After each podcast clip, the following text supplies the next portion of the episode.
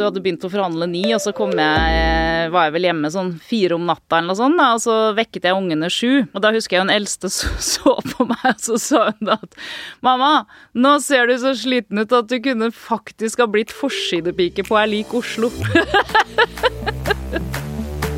Ukens gjest har eh, jobbet tett på makta i en årrekke og bekledd noen av landets mest prestisjefylte kommunikasjonsjobber. Etter mange år i politikken gikk hun over i noe, en noe mindre synlig sjefstilling, men så er hun også sjef for representantskapet i Norges Bank, og den rollen den har ikke akkurat vært usynlig det siste året. Velkommen til Voksenpoeng med meg, journalist Nora Rydne i E24. Og velkommen i studio, Julie Bråttkorp, administrerende direktør i Maskinentreprenørenes Forbund. Tusen takk for at jeg får lov å komme. Vi begynner med tre kjappe. Er du klar? Jeg er klar. Hva er det beste du har gjort for eh, karrieren? Det er å ikke si nei til de muligheter som har kommet, men heller ta de, selv om jeg kanskje har følt eh, Klarer jeg egentlig dette? Og så har jeg heller eh, bestemt meg for at det er enklere å hoppe av et tog i fart enn å komme seg på et tog som har gått. Hva er det beste du har investert penger i? Det må være boligen til, som eh, mine fire barn og jeg bor i. Som jeg kjøpte i Var det 2009 eller 2010? Mm. Ja. Og hva er det verste du har investert penger i? Det er rulleski. Eh, for jeg også litt sånn eh, Bruker liksom litt den taktikken som jeg også har gjort karrieremessig, for så vidt, med å hoppe på ting. Eh, så det jeg tenkte dette kan ikke være så vanskelig, så jeg gikk opp til Frognerseteren. Og tenkte som så litt naivt at det er sikkert samme måte å bremse på ned. Det var det da ikke. Så det endte med å sy noen sting i leggen, og siden det så har de egentlig blitt liggende i skapet. Så det var en særdeles dårlig investering. Ja, Hvordan bremser man på rulleski? Man kan ikke Jeg vet det fremdeles ikke. Jeg ga opp. Eh, Jeg noen ganger vurderte jeg å gå opp til Frognerseteren og ta T-banen ned, men jeg fant at det så ganske teit ut, så de ligger i skapet. Bare å selge dem, altså. Ja, egentlig. Men uh, Julie, du har jo tatt masse muligheter og kommet deg langt. Men eh, var det planen helt fra starten, eller hadde du noe annet? Nei, jeg hadde egentlig lyst til å bli dyrlege da jeg var liten, for jeg har alltid vært veldig glad i dyr. eh, Og i særdeleshet hunder. Jeg har alltid hatt uh, settere. Jeg har brukt masse tid på det, eh, så jeg hadde lyst til å bli dyrlege. Men innså ganske tidlig på videregående at uh, naturfaglinje, uh, den retning, ikke var helt min, min greie. Så da hadde jeg en prat med min far, som nok ikke egentlig ville jeg skulle bli dyrlege, men lege, for det er liksom folk i min familie. Og da husker jeg veldig godt han til slutt så på meg og så sa han ja ja, jenta mi, du kan jo alltids begynne på Hanseskolen i Bergen. så mer målretta enn det var det ikke, for da tenkte jeg ok, eh, jeg kan synke dit. Men, eh, men eh, så sånn endte jeg opp der. Jeg tenker jo også alltid når folk vil bli dyrleger fordi de er veldig glad i dyr, så får de kanskje et litt brutalt møte med yrket etter hvert. Det, det kan være. Ja, jeg har vært der med noen hunder, og jeg er veldig glad jeg er ikke dyrlege. Ja, Ja. det er Jeg vil også bli dyrlege til noen var sånn Vet du hvor mange dyr du må drepe? Ja. For det blir stor del av jobben. Så sånn hm, Kanskje ikke. Nei. Altså, det var Da ble det handelsgym. Nei, da ble det Handelshøyskolen i Bergen. Eh, så jeg gjorde det ferdig, gikk vel ut i 99, var det vel. Mm. Og da hadde du liksom noen tanker da om hva du ville Ja, da hadde jeg jo eh, Jeg var, jeg var av de studentene på Handelshøyskolen som eh, eh, Som nok ikke gikk der fordi jeg følte jeg var veldig egnet innenfor mange av de fagene, men som syntes studentmiljøet var eh, utrolig morsomt. Ja. Så jeg var veldig engasjert der. Eh, sånn at eh, i god tid før jeg var ferdig, så hadde jeg jobb som trainee for Hans Gelmøyden i Gelmøyden og Kise. Så da hadde jeg på en måte staket litt ut veien at det var kommunikasjon jeg hadde lyst til å drive med. Ja, ok. Hva- Bare ramla du inn eh, i GK, eller? Nei, eh, det var vel Hans Gelmøyden som skrev en mail til meg etter et eller annet portrettintervju i Bergens Tidende hvor jeg eh, gjorde studentopprør på Norges handelshøyskole. Ja. Eh, hvor det kom på Og det var også litt sånn lærdom i kommunikasjon, da. For vi så vel for oss studentforeninga Den gang satt jeg i styret på Handelshøyskolen, kollegiet, på vegne av studentene.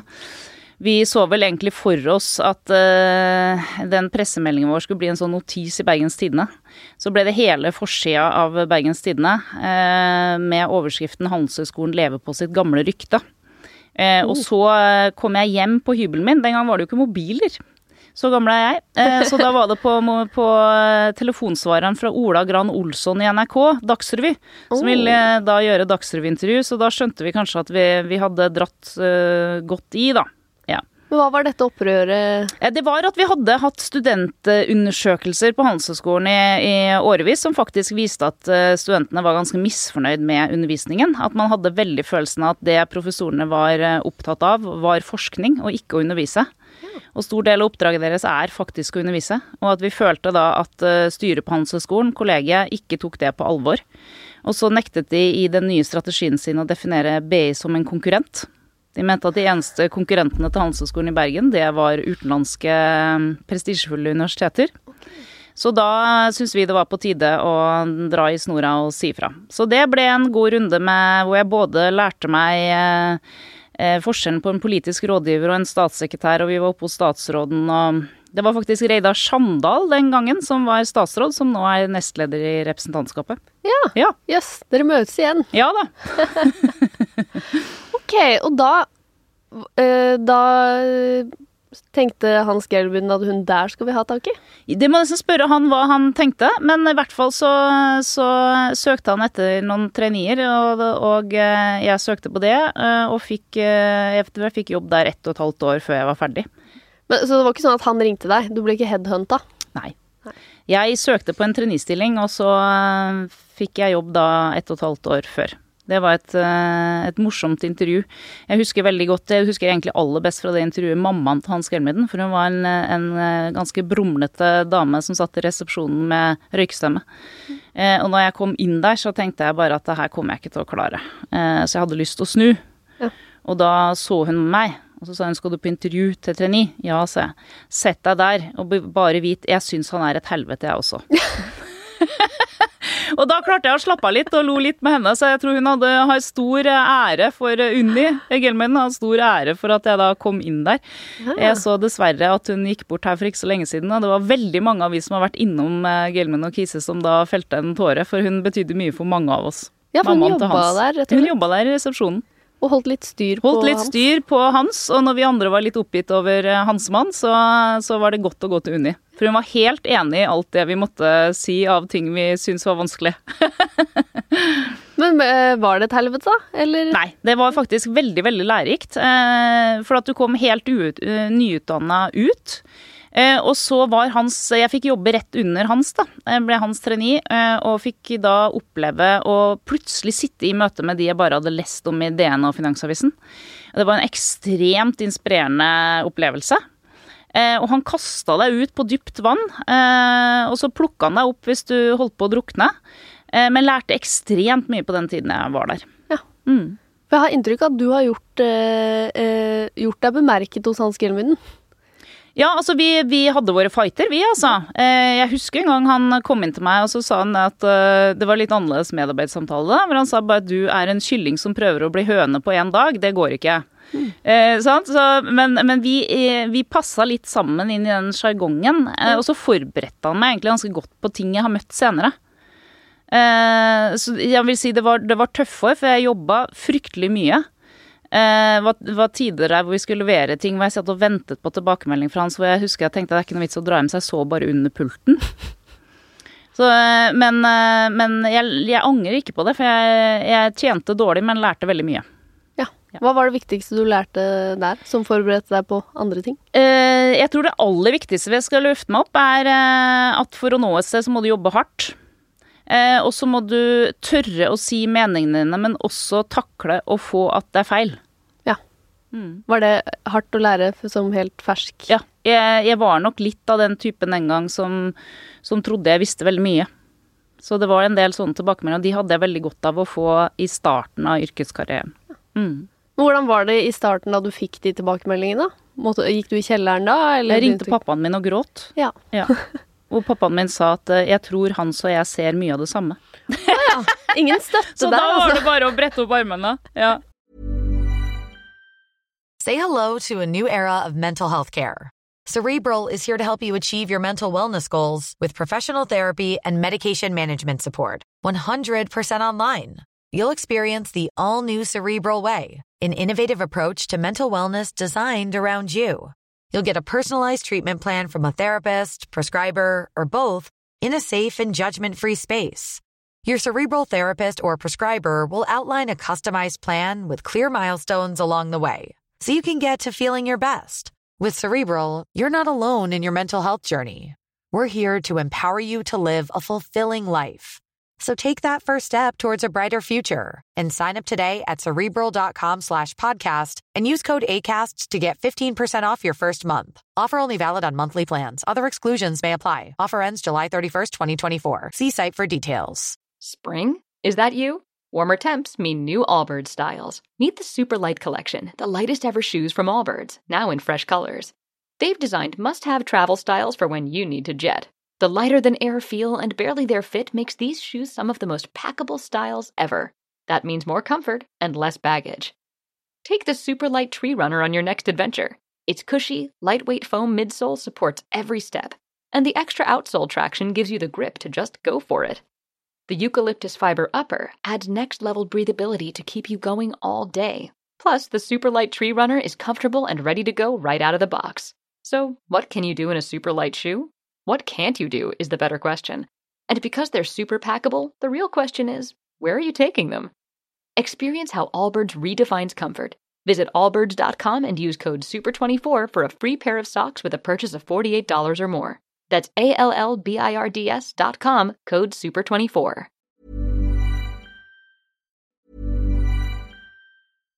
Millions of people have lost weight with personalized plans from Noom, like Evan, who can't stand salads and still lost 50 pounds. Salads, generally, for most people, are the easy button, right? For me, that wasn't an option. I never really was a salad guy. That's just not who I am. But Noom worked for me. Get your personalized plan today at Noom.com. Real Noom user compensated to provide their story. In four weeks, the typical Noom user can expect to lose one to two pounds per week. Individual results may vary. Say hello to a new era of mental health care. Cerebral is here to help you achieve your mental wellness goals with professional therapy and medication management support. 100% online. You'll experience the all new Cerebral Way, an innovative approach to mental wellness designed around you.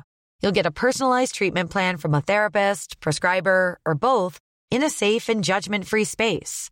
Your cerebral therapist or prescriber will outline a customized plan with clear milestones along the way so you can get to feeling your best. With Cerebral, you're not alone in your mental health journey.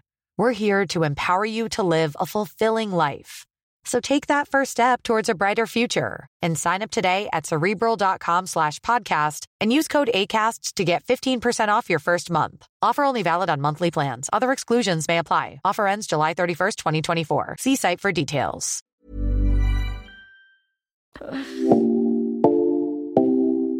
Men hvor kommer politikken inn her? Eh, når begynte det? Altså, jeg begynte jo tidlig. Eh, jeg begynte med en gang jeg begynte på Jeg lurer på om det var i niende klasse på, på videregående. Eh, nei, på ungdomsskolen, før jeg begynte på Katta.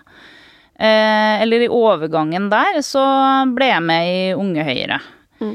Eh, det var litt mer sånn fordi at alle rundt meg var AUF. Eh, og så tenkte jeg liksom at er jo mye morsommere. Jeg må i hvert fall møte på et Unge Høyre-møte og høre hva er det de står for. Eh, og det jeg falt for der, var liksom differensiering i skolen, for jeg har dysleksi. Sånn at jeg opplevde egentlig den enhetsskolen som eh, en veldig ulempe for meg, da. For det hadde vært mye bedre for meg å få lov å bli flytta opp og få ordentlig selvtillit i de fagene jeg var god i. Eh, og så kanskje få, få gå i en gruppe med andre som slet litt i når jeg hadde kommet så langt i skoleløpet, så slet jeg faktisk ikke så mye norsk, men det, jeg merket veldig godt uh, dysleksien på fremmedspråk. Ja, det var mest der den var Ja. et issue. Mm. Uh, sånn at uh, For at jeg tror det viktigste for alle unger er å gå hjem fra skolen med en mestringsfølelse.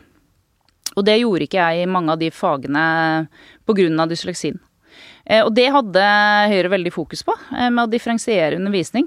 Eh, og at man skal ha fokus på, på, på styrkene, men ikke være så opptatt av at alle skulle gå gjennom akkurat samme løp. Så det var egentlig bakgrunnen for at jeg da meldte meg inn i Unge Høyre. I tillegg til at det var faktisk den eneste måten jeg kunne komme meg på fest, for jeg hadde en veldig streng far. Så hvis jeg sa til han at jeg skulle på Oppdal og på kurs om Edmund Burke, Ja. så fikk jeg lov å dra. Men lite visste han om hva som foregikk på kveldene. Så det var en litt sånn delt der, altså. Ja. Det var også min inngang til å kunne feste. ja. Med Og det liker vi jo i Trøndelag, så Ja, det Ja. liker vel alle ungdommer, får man håpe. Ja.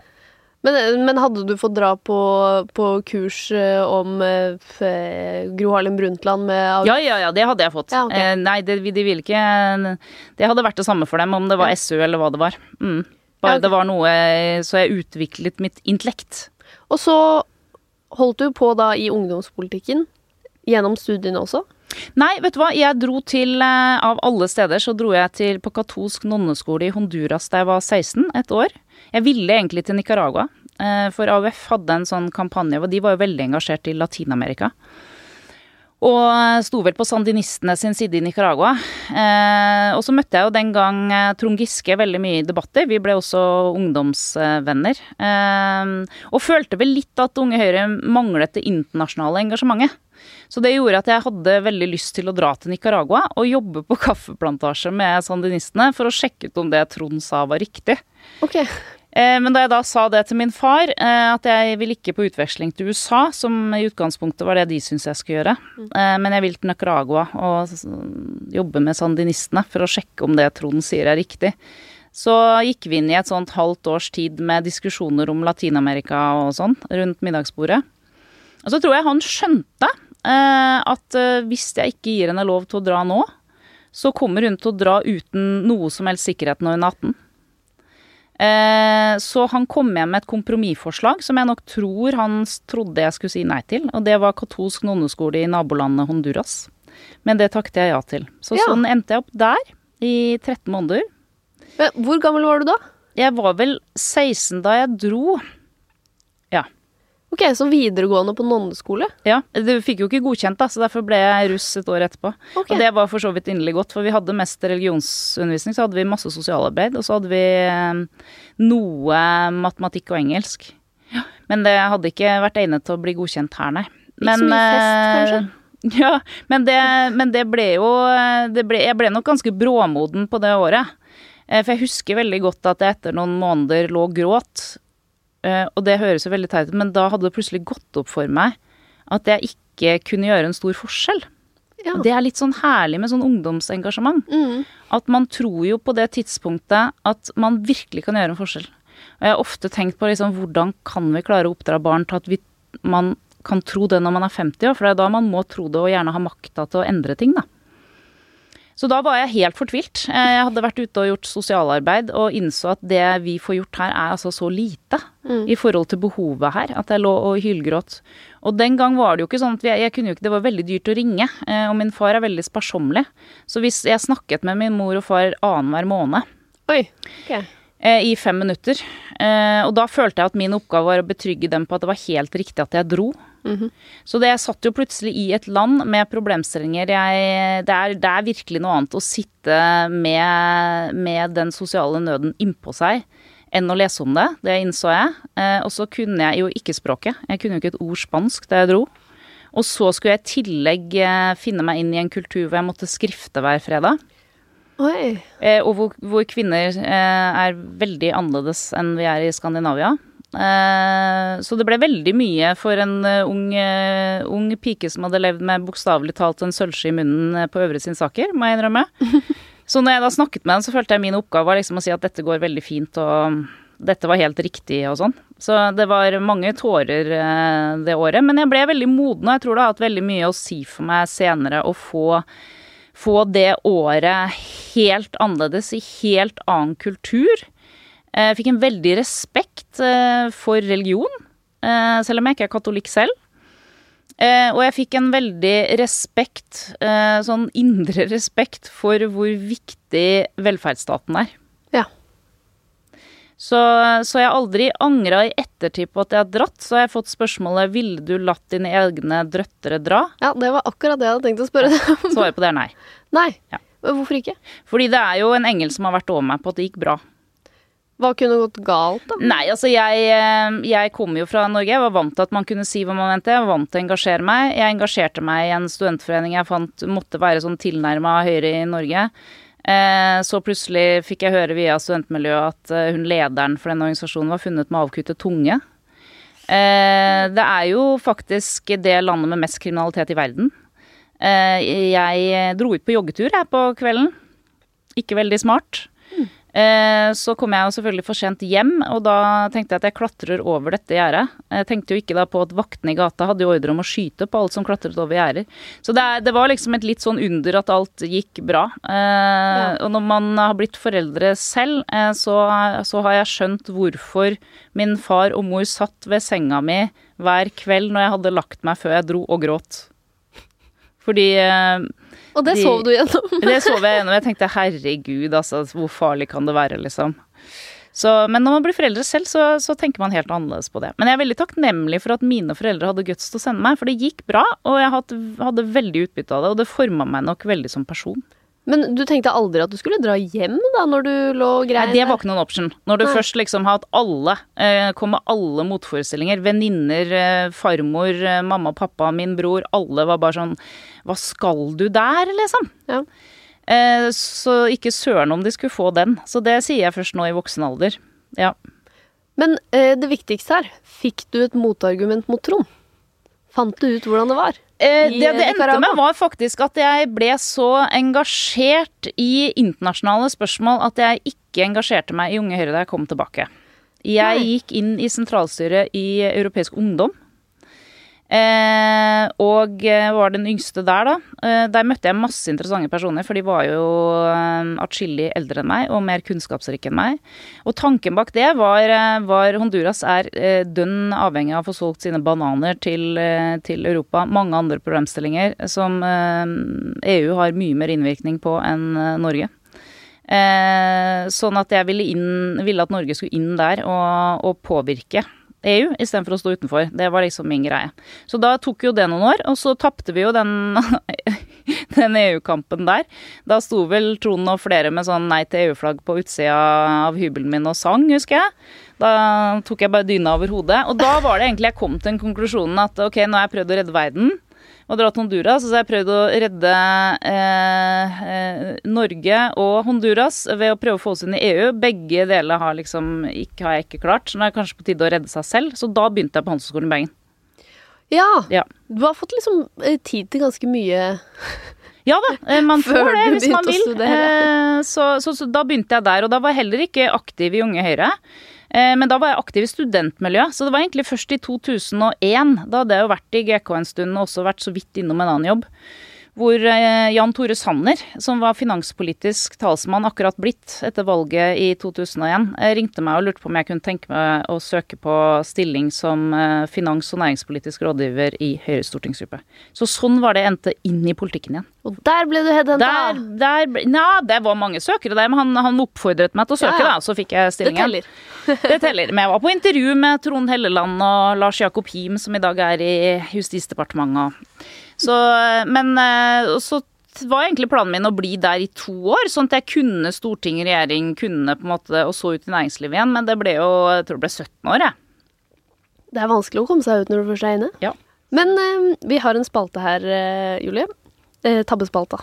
Hva er den største tabben du har gjort i eh, karrieren? Det, det, det var da jeg var eh, næringspolitisk eh, rådgiver. Da har du jo også landbruk og fisk innunder det. Eh, Og eh, så hadde vi en stortingsrepresentant som skulle holde innlegg i både fiskeridebatten og landbruksdebatten. Eh, Og han, eh, han hadde sikkert mye annet å gjøre den, den dagen. Jeg hadde i hvert fall skrevet innleggene, han hadde ikke fått sett på de på forhånd. Så klarte jeg å sende han opp i landbruksdebatten med fiskeriinnlegget. Ja. Og det forsto jeg ikke før jeg så på skjermen på kontoret mitt at han sto i stortingssalen og snakket om fiskeripolitikk i landbruksdebatten. Det var en ganske stor tabbe. Unnskyld meg, men kunne ikke han eh, Jo da, men du vet som rådgiver så føler man da liksom at det ligger på ens eget bryst. Ja, den kan jeg jo eh, Og da var jeg fremdeles i de årene hvor du var litt sånn flink pike, så det tok jeg veldig tungt. Hva sa denne stortingsrepresentanten? Nei, han var nå en herlig fyr, så trønder, så, så han lo nå litt, og så, og så fikk han jo etter hvert eh, Jeg tror, tror faktisk han fikk gå opp og holde et innlegg til som var, var landbruksinnlegget. Ja, så man ordna det. Det Altså, fikk bare god latter. på det fiskeri... Ja, vi kan øvd på fiskeriinnlegget, så det Men hvor lenge var du rådgiver før du rykka opp? alle disse årene det går litt over i hverandre, men jeg tror etter første fødselspermisjon, som jeg hadde ikke så lang fødselspermisjon med første, da. Jeg, jeg var jo av de der, eh, og det sier jeg alltid til unge kvinner i dag som skal få barn, husk at jobben går ikke fra dere når dere får barn. Jeg var av de som trodde at hvis jeg nå er hjemme om det er i åtte måneder eller tolv måneder eller uh, hva folk er hjemme, at liksom, da kommer jeg tilbake og så er jeg utdatert, og det kan jeg ikke gjøre, og da er jeg ikke noe viktig. Så med første barn var jeg tror jeg var hjemme i tre måneder eller noe sånt. Mm. Så var jeg tilbake igjen. Da ble jeg nestleder i gruppesekretariatet. Eh, og så hadde jeg vel fremdeles næringspolitikk.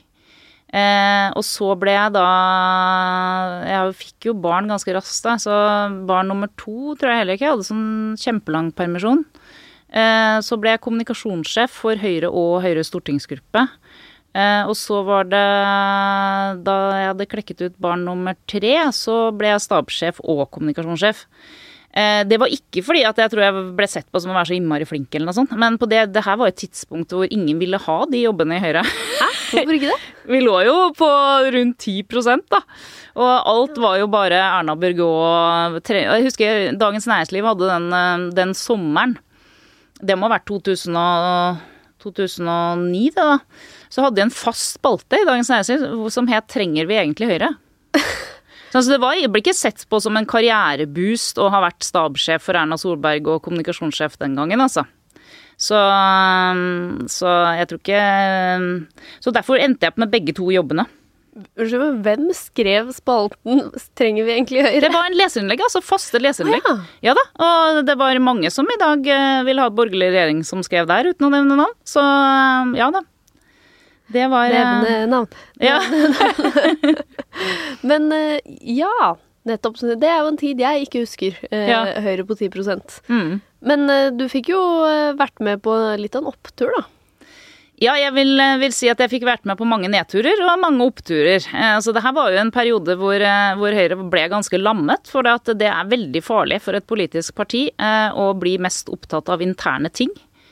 Eh, og der, er, eh, der var vi på det tidspunktet dårlig til å skjønne at vi var vår verste fiende. Høyre var sin egen verste fiende den gangen. Så vi opplevde jo at vi plutselig fikk telefon fra TV 2 at en av våre egne ordførere hadde sagt at Erna måtte gå, var villig til å si det på direkten. Ingen hadde sagt det internt. Så plutselig så må hun eh, Den gang husker du Tabloid? Grusomt program med Pål T. Jørgensen. Han var veldig flink, ikke, da. Men jeg husker, jeg ja, han var veldig flink, og derfor var det jo grusomt. Eh, så ble hun sittende der sant, i studio med sin egen ordfører som krever at hun skal gå. Eh, og så husker jeg veldig godt at samme kveld var det liksom middag på Slottet. Og så kom jeg på at herregud, hun må jo faktisk dra rett fra TV 2-studio her og opp på det slottet. Eh, så da måtte jeg bare ringe Sindre, liksom. Vet du hvor kjolen hennes er? Og den fant han eh, krøllet sammen i en sånn Rema 1000-pose inni skapet. Og fikk Hvem kjørt den ned. Hvem hadde lagt den i en Rema 1000-pose? Jo, men livet er sånn for stortingsrepresentanter. Altså, man tror det er mye mer glamorøst enn det er. De har jo ikke noe hjelpepersonell noe sånt rundt seg. Og det går døgnet rundt. Og så skal de gjerne være ute, ja om det så er på et anlegg eller ute hos en bonde, og så skal de to timer etterpå være på Slottet. Det er ikke noe sånn tid til å gå til Jan Thomas her, altså. Så da sto jeg mens hun gjorde seg ferdig inne i studio der, så sto jeg og prøvde å stryke eh, på den rullestoldoen hos TV 2, den der kjolen hun skulle ha på seg. Og så kommer hun ut, sant, og det har vært litt av en opplevelse å sitte med sin egen ordfører og bli krevd avgang. Og så skal du smile, står det jo masse andre journalister uh, utenfor, og så skal du få på henne denne gallakjolen og så opp på Slottet. Så det, det var eh, Men eh, veldig lærerikt. Eh, og jeg må si at det jeg lærte veldig med den perioden her, var jo å følge en leder i så stor motgang. Mm. Og se hvordan hun faktisk takla det. Og det takla hun fordi hun var innmari flink og bevisst på at all kritikk av henne var ikke kritikk av Erna som person, men Erna som leder av Høyre. Og det var hun også veldig flink eh, til å få oss rundt, og ikke minst barn og familie til å forstå. Eh, og det har vært veldig viktig når jeg særdeles mye mindre målestokk selv har stått i noen stormer. Har blitt noen stormer. Har blitt noen stormer, ja. Men hva hvordan, eh, hvordan var det å ha den jobben, der du skal løpe etter og stryke gallakjoler, og du skal pudre, og du skal håndtere opprør internt i partiet? Ja, og ikke minst prøve å finne ut et budskap òg. Eh, for det var en viktig del av jobben, å sitte og spare med, med ledelsen på det. Vet du, det eh, var utrolig gøy. Fantastisk gøy. Og så er, eh, er, jo Erna ekstremt morsom å jobbe for. For hun er krevende å jobbe for fordi hun er eh, veldig, veldig, veldig intelligent. Altså hun husker alt, kan alt. Det er veldig krevende å jobbe for. Men samtidig så kombinerer hun det med en veldig raushet med oss som ikke, ikke, henger helt med av og til. Da. Og en veldig humor. Hun har en veldig sånn rå humor. En rå latter. Eh, sånn at i mange av de valgkampene så vi hadde jo ikke noe, Det var ikke noen sjåfører og ikke noen biler, så vi kjørte rundt i min eh, Volvo. Og der hadde jeg med matpakker og en PC og en ropert. Sant? Og så kjørte vi rundt i landet. Vi hadde det veldig gøy, selv om meningsmålingene var dårlige og nyhetene var dårlige, så, så, klarte vi å holde stemningen eh, oppe. Og så var det en fantastisk stab bak eh, meg igjen der, da, som, som satt på Stortinget og, og, jobbet og sto opp tidlig, og selv om eh, meningsmålingene var dårlige, så, så fikk man en sånn her egen energi inn i teamet. Eh, som er helt sånn ubeskrivelig i andre jobber, tror jeg. Du vet at I politikk da, så er du så heldig at du jobber med andre folk som ikke ser på det egentlig som en jobb, men man får lov til å drive med det man brenner for. Og det er ganske unikt. Så, så det var fantastiske år. Kanskje ikke så fantastiske for de rundt meg, men for meg selv fantastisk. Ja, Hvordan da? Var det lite tid, eller Ja, altså, jeg, jeg, Den gang så Der er vi, vi mennesker fantastiske. For hadde du spurt meg den gang, så hadde jeg sagt jo, det går kjempebra å kombinere dette med en ettåring og en toåring og en fireåring. er ikke noe problem, sant. Eh, og så fortrenger man det som egentlig er hint om at det kanskje ikke er helt ok, da. Eh, men jeg husker veldig godt eh, etter regjeringsforhandlinger som faktisk var de tøffeste vi hadde i min tid. Eh, men da var media i streik, så dere fikk det heldigvis ikke med dere. Eh, det var høsten 2016 hvor vi satt med Venstre og KrF og forhandlet på klima fra august til første helgen i desember. Mm. Og du vet, når vi skal forhandle uten at dere vet det, eh, så må de forhandlingene begynne etter ni. For ellers så begynner dere å lure på hvor er alle de borgerlige partilederne. Ja. Så da begynte vi jo det ni. Sant? Da skulle jo min yngste var jo da fremdeles liten, så hun skulle jo være lagt. Og jeg var jo alenemor til tre. De to eldste klarte seg egentlig fint når jeg hadde fått laget middag og gjort lekser. Eh, la de. Eh, men jeg tok med hun yngste. Alltid. For hun fikk ikke sove før mamma var hjemme. Så hun tok jeg med, og så sov hun på en sofa på, i statsministerboligen. Eller jeg trodde hun sov, da.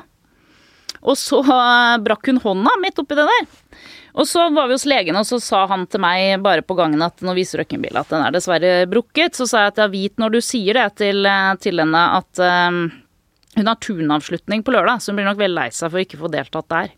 Så når legen setter seg foran henne, da, så sier han da at ja, lille jenta mi at um, du har nok dessverre brukket hånden, og jeg vet du har tuneavslutning på lørdag.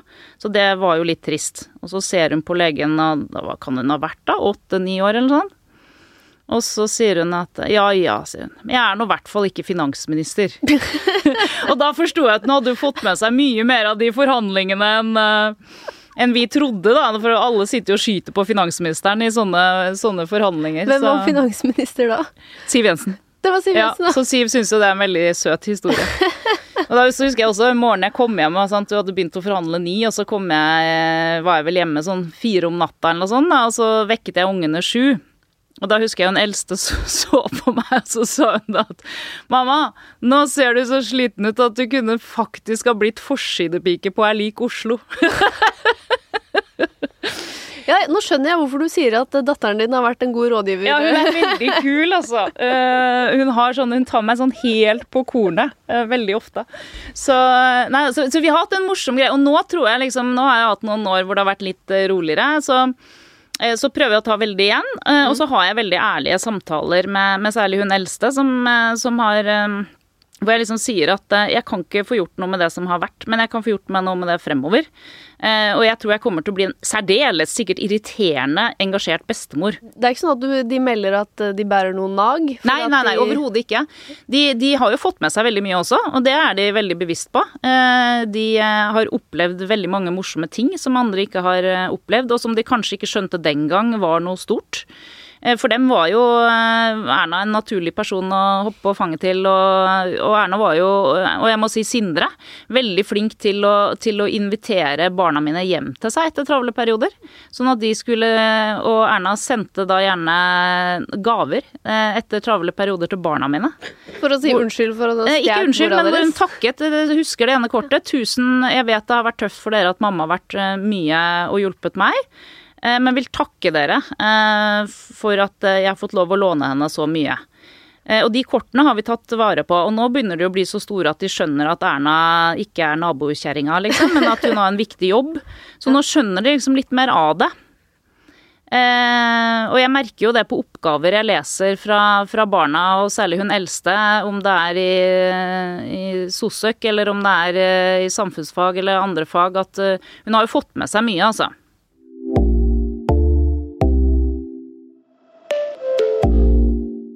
Men så gikk du jo over i denne jobben i eh, Maskinentreprenørenes Landsforbund? Nei, Maskinentreprenørenes forbund. Vi Forbund, bare ja. si MEF, det er enklere. MEF er mye Ja. lettere. Ja. Hvorfor? Hvordan Vet du hva, det var egentlig ganske tilfeldig på det tidspunktet. For da hadde jeg jo, som jeg fortalte i sted, så var jo min plan å være to år i politikk, så ble det 17. Og så hadde jeg innmari lyst Altså i, i både som Sivøk lærer du litt om alt. I kommunikasjonsbransjen lærer du litt om alle bransjer. Som politiker lærer du litt om alt. Så jeg hadde veldig lyst til å lære meg én bransje veldig godt. Så det var utgangspunktet mitt. Og så ringte det en eh, headhunter som sa at eh, de søker etter ny administrerende direktør i Maskinentreprenørenes forbund. Jeg hadde aldri hørt om dem. Så tenkte jeg i alle dager, hva er dette? Her har jeg sittet som næringspolitisk rådgiver, jeg har sittet på SMK og vært oppe i de fleste problemstillinger, jeg har aldri hørt om dem. Og så sier han ja, det er det gamle Bulldoserforbundet. Det syns jeg hørtes mye kulere ut. Ja. um, og så var jeg først sånn ah, nei, det tror jeg kanskje ikke er greia for meg. Men så tenkte jeg nå må jeg være åpen. Så jeg tok en prat. Eh, og så begynte jeg å lese meg opp på årsrapporter og sånn, så det her er jo fantastisk. Eh, det er altså da Norges største fastlandsdistriktsnæring. Eh, det er da 45 000 ansatte rundt i Norge. Og de drives altså av et forbund som jeg ikke har hørt om. Eh, De kan helt sikkert alt det de skal drive med. Eh, Jeg mener jeg kan en del om synlighet. Denne bransjen må jo virkelig bli mer synlig for hva den har å si for å bygge Norge bokstavelig talt, men også i verdiskaping, og ikke minst distriktsarbeidsplasser. Så det var utgangspunktet for at jeg bestemte meg for at dette ville jeg. Så eh, må jeg innrømme at da jeg kom inn til ansettelseskomiteen i første intervju, så tenkte jeg her kan jeg bare rygge. For jeg kom jo, kom jo da kledd sånn som jeg var vant til, i, fra statsministerens kontor. Du ser egentlig ut som en mormoner i svart dress. Eh, Og der møtte jeg da heldigvis en kvinne, hadde de ansettelsesutvalget. Eh, Men så resten var jo, var jo um, de største anleggsgutta med litt åpne skjorter og gullsmykker og sittende vippende litt på stolen. Så jeg tenkte de her kommer jo ikke til å ønske meg. For vi er jo ofte sånn som mennesker at vi gjerne vil speile oss i kandidaten. Og jeg tenkte disse speiler seg overhodet ikke meg. Men så gjorde vi noen intervjuer, og de, de sa som så at, eh, at det er mange nok i den organisasjonen som kan anleggsnæringa. Det vi trenger, er det du kan. Eh, så var jeg veldig opptatt av, før jeg takket ja, hvem blir min sjef? Jeg har veldig tro på at man kan trives alle steder hvis man har en god sjef. Og min sjef de siste fire årene har jo vært Arnstein eh, Repstad, eh, Repstad Anlegg, eh, som er en fantastisk person. Han, eh, jeg sjekket han jo litt opp, eh, og han hadde jo erfaring fra å begynne omtrent med to traktorer til å bygge opp en svær bedrift. Eh, og så hadde vi mange, eller to samtaler, eh, bare oss to. Hvor jeg fikk eh, en veldig sånn varm følelse Altså han ville, jeg følte at han her vil virkelig at jeg skal lykkes. Og det har han virkelig bevist etterpå. Altså Han er en styreleder som når det, når det røyner på, for det gjør det jo innimellom, og det er jo en sektor hvor du får rene ord for penga, så står han meg alltid bi når vi har besluttet noe sammen. Han er aldri noen som prøver å legge noe over på å late som om Nei, han står alltid bi, og vel så det. Så det har vært et veldig riktig valg. For for meg å gå ut da igjen etter 17 år i politikken i næringslivet, eh, var jo sånn skrekkbehandlet fryd. Du går til noe du ikke aner hva er. Du går til en sektor du ikke aner hva er. Eh, Så det er blitt en særdeles eh, god opplevelse. Eh, Jeg trives veldig godt ute med gutta og jentene på anlegg. Så det har endt opp med at jeg har tatt sertifikat både på dumper og gravemaskin, faktisk. Yes. Ja. Og så hører du også med her eh, at eh, du sitter jo her i fullt anleggsutstyr. Ja, det er litt tilfeldig, da, siden jeg i dag har vært på anlegg, og så ble det stående og eh, få litt morsomme historier om hvor lite disse el... El-lastebiler og el-gravemaskiner egentlig funker, så jeg ble stående litt lenger enn jeg skulle. Så, så, derfor dette antrekk. Men når jeg er på anlegg, så har jeg selvfølgelig på meg det, for jeg følger jo HMS. Ikke sant. Ja. Så blir det litt mindre dress. Litt, veldig mye mindre dress, og, og draktene brukes i Norges Bank og Kringkastingsrådet. Ja, og der kom du selv inn på Norges Bank. Neste Du vet jo sikkert hva jeg skal spørre deg om nå. For eh, du fikk jo eh, litt oppmerksomhet for eh, ja, nå begynner det vel å bli nesten et år siden, Mm. da vi fikk et nytt forslag til oljefondsjef, Nicolai Tangen. Mm. Eh, og jeg, eh, festlig nok, så var jo jeg og intervjuet eh, Hans Gellemyden om, eh, i denne podkasten, eh, og viste meg den pokalen for årets eks... Ja, eksil... GK-er. eller noe sånt, ja. Og da sa han at uh, den vurderte han å gi til deg i år igjen, fordi du hadde rævkjørt Nicolai Tangen. Ja. Ja, det kunne jeg ikke skrive Nei. i den artikkelen, for jeg var litt sånn Kan jeg skrive det ordet i VG? ja. Um, hva, hva tenker du selv? Ja, jeg har overhodet ikke revkjørt Nicolai eh, Tangen. Jeg har ikke hatt noe imot Nicolai Tangen i det hele tatt. Han var en fantastisk eh, kandidat og har vist seg til nå også å gjøre særdeles mye riktig på kort tid, må jeg si. Men eh, så, så det var jo det som jeg syns var litt vanskelig med den saken, at det ble jo fremstilt på en måte som det var Nicolai Tangen eh, vi skulle være ute etter å ta. Det var Øystein Olsen. Ja, eh, ja eller hovedstyret. Eh, Nicolai Tangen søkte på en jobb, og han fikk en jobb. Han har ikke gjort noe som helst gærent, bortsett fra å være en glitrende kandidat.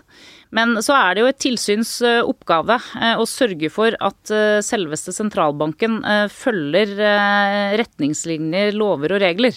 Det er nå en gang eh, forventet at et tilsyn skal sørge for at de gjør. Og det var jo ikke gjort i dette henseendet. Så av den grunn så ble jo dette en, eh, en stor, eh, stor sak. eh, Faktisk i et halvt år omtrent på heltid. Ja. Mm. Var det sånn da du skjønte, da du fikk se det her og tenkte ja, dette er ikke gjort bra nok, dette må vi reagere på, at du tenkte øh, Altså, vi er jo et kollegium hvor alle har like mye å si. Eh, sånn at vi hadde jo ganske mm, Vi så jo disse sakene som dukket opp i, i media. Så har, særde, har jeg et særdeles godt sekretariat i Norges Bank som er veldig flinke både jurister og, og økonomer. Eh, så jeg tok først en prat med de eh, for å høre hva de mente. Og de er alltid veldig nøkterne og faktabasert. Så fikk jeg en analyse derfra. Da så jeg ganske raskt at her må jeg ringe Reidar. Reidar Sandal. Vi har et veldig godt og tett eh, samarbeid eh, som eh, leder og nestleder i representantskapet. Og han har jo eh, vært leder før, så han har også mye erfaring. Og han var helt enig, og da innkalte vi da da den faste komité, som er liksom det saksforberedende organet til representantskapet, og så representantskapet. Og det var jo helt enstemmig at her, her må vi faktisk inn. Jeg må si at eh, da var det sånn sukk, eh, men jeg hadde ikke sett for meg at det skulle gå helt eh, til september, denne saken. Nei. Det var jo litt hvordan hovedstyret håndterte det også. Det endte jo opp der hvor våre første tilbakemeldinger var. Men, men det, var ikke noen, det var ikke noen lystig sommer, nei. Det var det ikke. Nei, Jeg vil ikke ha den tilbake, helst ikke. Nei, det er greit å være ferdig. Men det akkurat det samme tror jeg alle i Norges Bank sier, Ja, at det, dette vil vi ikke ha tilbake. Eh, Banksjefen måtte jo ut og spandere en pils på eh, Nicolai Tangen etterpå. Kunne du vært med på den pilsen? Ja, det, det, det kunne jeg fint vært. Syns egentlig jeg hadde fortjent den pilsen òg, for å være helt ærlig. Men for vi har en, vi har en god, god eh, tone, og det må jeg jo si at liksom, det blir jo fremstilt veldig i media som Øystein Olsen og jeg er fiender, og at vi er ute etter hverandre og sånn, men jeg, det, det har jeg overhodet ikke hatt følelsen av. Jeg har hele tiden opplevd at Øystein Olsen som sentralbanksjef, og alle rundt han, eh, har hatt stor forståelse for rollen representantskapet har, og at vi gjør jobben vår, og de må gjøre jobben sin. Eh, og det, mm, det var altså Øystein Olsen som i første møte etter at dette var eh, avklart i september, eh, hadde en sånn veldig fin avvæpning av, eh, av dette, og hvor eh, Nicolai Tangen kom og tok, ville ha en selfie av oss tre sammen. Og sånn, så vi har en god, god, veldig god tone og, og, godt samarbeid. Slik som et tilsyn skal ha, da. Altså vi er jo et, et uavhengig organ i Norges Bank. Eh, så vi, vi skal jo være en vaktbikkje, eh, og det har vi vært, og det kommer vi til å fortsette å være. Så det er no hard feelings? Nei, det er ikke det. Altså, det. det. er klart at jeg må innrømme at jeg lå en del eh, kvelder For samtidig som dette pågikk, så hadde vi jo vanlige møter hvor vi fikk orienteringer om alt det Norges Bank sto i. Midt i covid. Mm.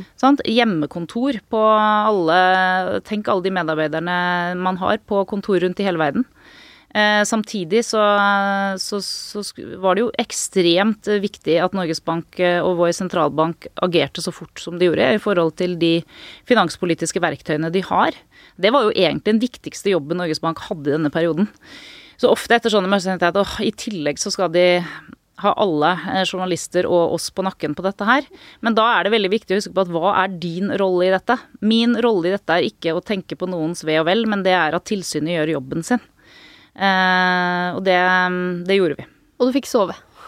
Ja, vet du hva, innimellom da så sover jeg dårlig. Og det, der, der, kan jeg ha en litt dårlig egenskap hvor jeg, jeg, er ikke god nok eh, av og til til å klare da å si til meg selv men du gjør bare jobben din, og så legge meg og sove. For jeg ble liggende og tenke på hvordan har Øystein Olsen det nå. Ja, du jeg gjorde det. det. Ja. Sendte du ham melding og spurte? Nei, det kan jeg ikke gjøre. nei, det får du ikke gjøre, nei. Nå har media fått avklart at vi ikke har journalplikt mellom oss, men det var ikke avklart ja. da. Jeg hadde i hvert fall, jeg tror ingen av oss hadde lyst på noe sånn oppslag om at uh, tilsynslederen skrev nattameldinger til sentralbanksjefen. så, uh, så um, og, og, det ville ikke vært naturlig nå heller, altså. Journalplikt eller ei, så ville jeg ikke, men, uh, men men vi er mennesker alle sammen, da. Ja. Eh, og jeg, han er jo en, en, en, eh, Han er en fantastisk person. Altså, det er klart, jeg har sittet der i snart fire år, og vi har jo hatt mye kontakt. og eh, I representantskapsmøtene så spiser vi jo lunsj sammen med sentralbankledelsen. og Sånn at eh, når man kobler av den profesjonelle og kameraene var slått av, så tenkte man jo selvfølgelig på, uh, på hvor, hvordan har han det egentlig. Mm. Men du fikk avklart at det var greit etter hvert? Ja, altså eh, Nå har han jo heldigvis eh, mange, mange rundt seg, og, eh, og han er jo en veldig sterk fyr, så jeg tror kanskje jeg var mer medtatt enn han. han får spandere den pilsen på deg òg. Ja, det var det. Eller omvendt. Jeg vet omvendt, ikke. Du ja. får ta en hver. Ja. jeg lurer på en ting til. Du har jo hatt så mange sånn mektige stillinger. og så har du sittet på veldig mye hemmeligheter. Det skjer jo. Mm. Eh, jeg snakket med en eh, Jeg jobbet eh, med det i DN før. Som var litt sånn Ja, Julie Bråttkorp kommer i studio, hva burde vi spørre henne om? Og han var litt sånn Ja, jeg har snakket med Julie Bråttkorp én gang. Eller det vil si, jeg snakket til henne, men så la hun på. Ja, og så så jeg også da jeg sendte deg melding at det har faen meg skjedd med meg òg. At jeg har prøvd å lure ut et eller annet av deg, og du var vært sånn nei. Hvordan liksom greier du Er det ikke utrolig stressende at du må snakke så mye med media samtidig som eh, det er så mange ting du ikke kan si? Man blir vant til det i en sånn rolle, men jeg tror nok jeg har blitt vant til det fordi jeg har gjort alle tabbene. Ja, nettopp. og det er litt sånn som jeg sier når jeg nå sitter på utsiden og så ser jeg noen eh, politiske rådgivere eller sånn gjøre noen tabber. Eh, så ringer jeg dem ofte, bare for å liksom minne dem om at for det første, alle stormer eh, blåser over. Det går over. Og dette er eneste måten å lære på.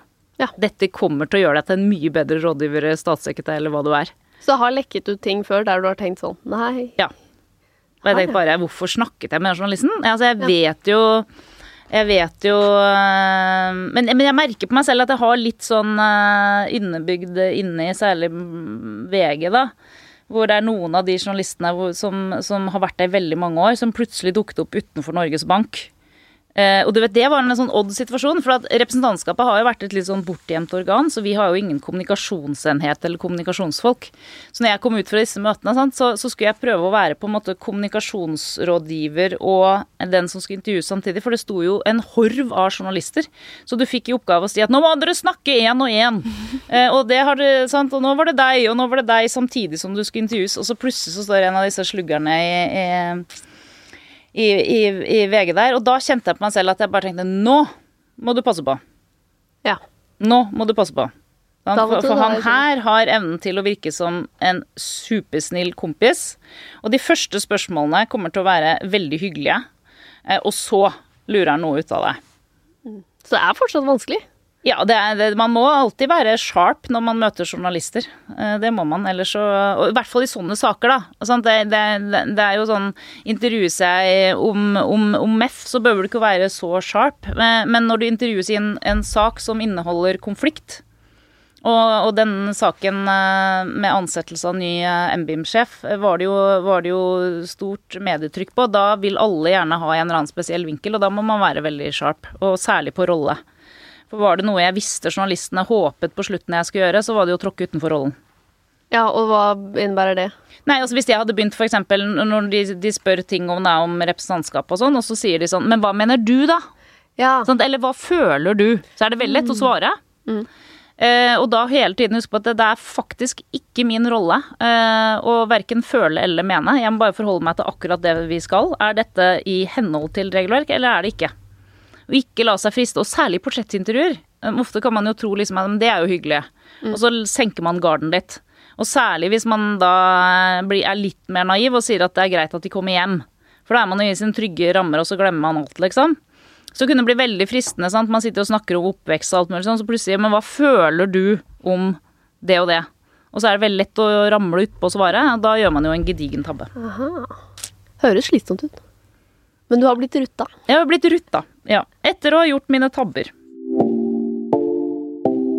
Vi har et eh, siste spørsmål her. Hvis du kunne reist tilbake i tid og gitt 20 år gamle Julie et råd, hva ville det vært? Ha det med enda mer gøy. Enda mer gøy. Ja, ha det gøy når du er ungdom. Jeg var altfor seriøs i min ungdom.